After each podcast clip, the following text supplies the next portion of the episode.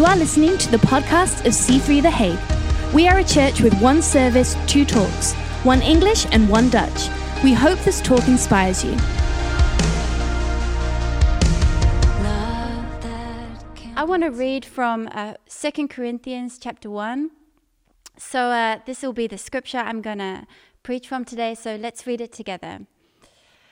All praise to God, the Father of our Lord Jesus Christ. God is our merciful Father and the source of all comfort. He comforts us in our troubles so that we can comfort others. When they are troubled, we'll be able to give them the same comfort that God has given us. For the more we suffer for Christ, the more God will shower us with his comfort through Christ. Even when we're weighed down with troubles, it's for your comfort and salvation. For when we ourselves are comforted, we will certainly comfort you. Then you can patiently endure the same things we suffer. We are confident that as you share in the sufferings, you will also share in the comfort God gives us. So let's pray. Father God, I thank you that you are a God of all comfort and that you give us the strength and the wisdom to get through the difficult things that life sometimes brings at us. So I pray today that you would speak to us, that you would uh, give us wisdom and insight, and you would give us the things that we need for the coming weeks. Uh, you know what the future holds, even if we don't.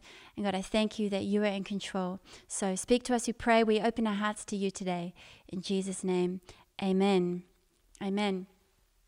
Now, uh, I don't know if you remember, but a few weeks ago, or maybe even longer, maybe a couple of months ago, at the start of this year, in the Netherlands, we had a really huge storm. Uh, it was, I think, a code yellow uh, storm uh, with, again, the advice to stay home. Sounds familiar, but it wasn't half as bad as now, obviously. But uh, really hard winds and actually continued for about a week. I remember you could hardly get very far on your bike. It was not good for biking at all. But uh, we had this storm, and uh, you know, in our house we felt pretty safe. But I remember getting up one morning and I couldn't believe what I saw because we have a, a front garden. And in the front garden, uh, separating our garden from the neighbors, we have a small hedge. It's about just some bushes. They're about maybe one meter forty high, and we planted them a few years ago. So they're they're quite strong, but they're still kind of young. They're not mature yet.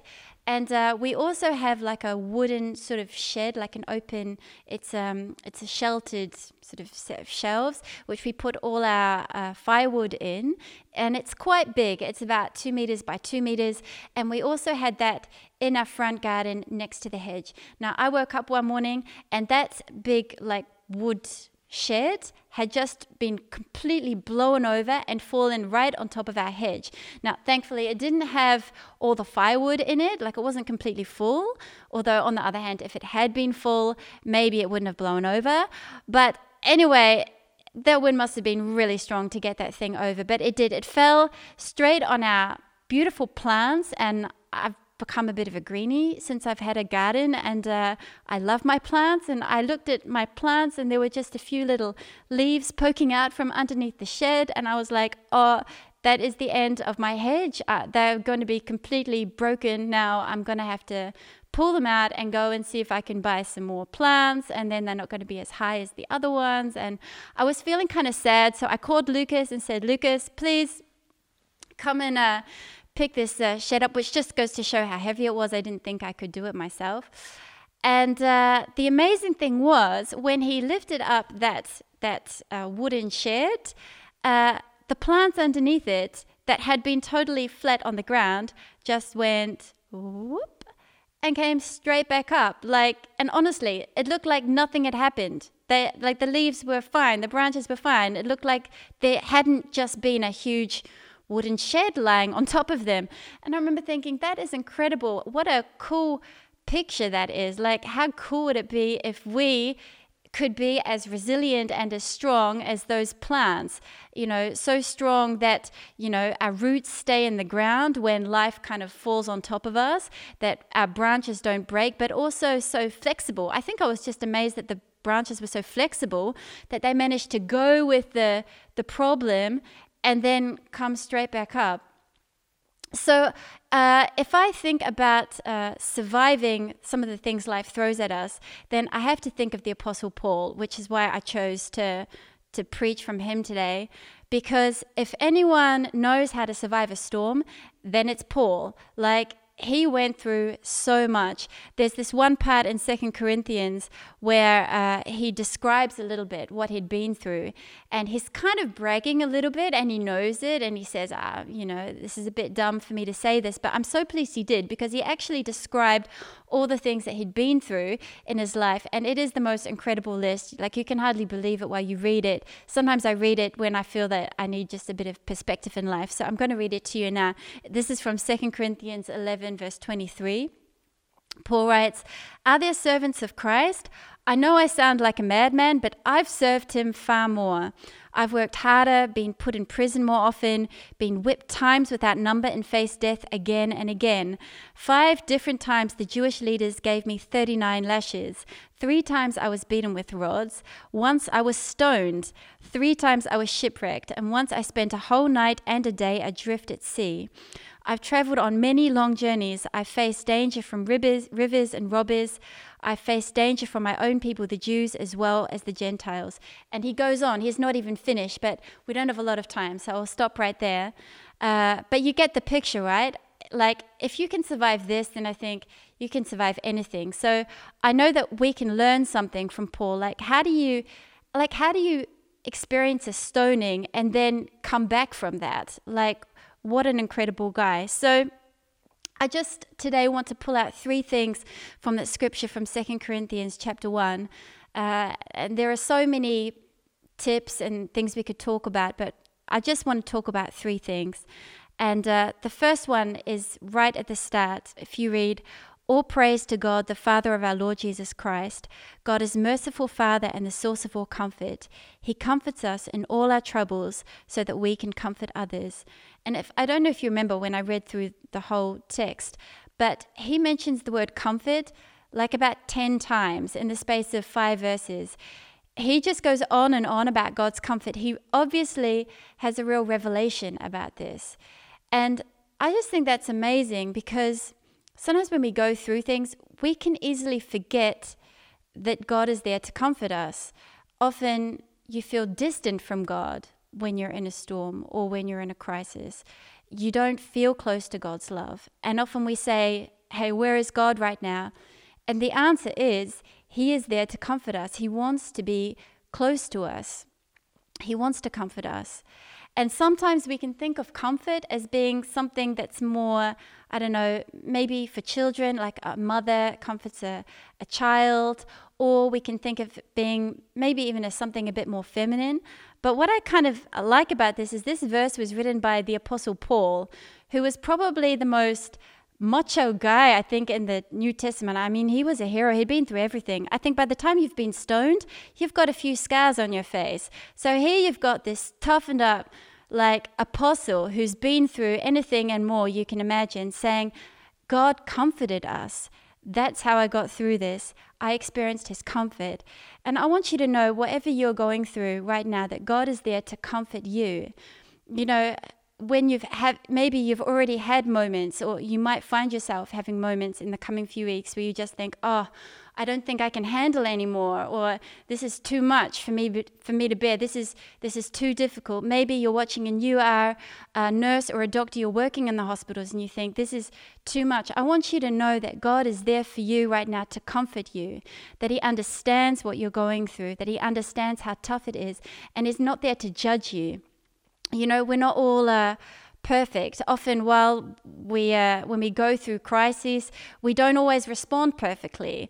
Often, you find you lose your temper a bit more often, or you're less patient, or you're more emotional, or you're quicker to yell at your kids. And sometimes we can feel really bad at, that we're not stronger, that we're not uh, that we're not surviving. You know, I too have days that I think, man, I'm a pastor. Shouldn't I have more faith? But you know, God is not judgmental of us when we go through different things. He understands and He wants to comfort us and he comforts us with uh, with his love first of all uh, we see in the Bible, in the in the work and the life of Jesus, an incredible love that God has for us.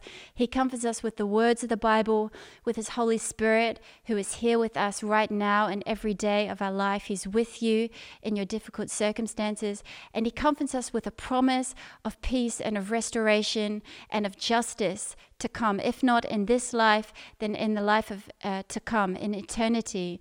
We know that God's comfort is complete and it's uh, it's fulfilling. So, can I encourage you when you've had a really tough day to go and seek and discover the God of comfort, to remind yourself that He is not, God is not far away, He's not judging you, but He is close, wanting to comfort you, wanting to be there with you in the storm.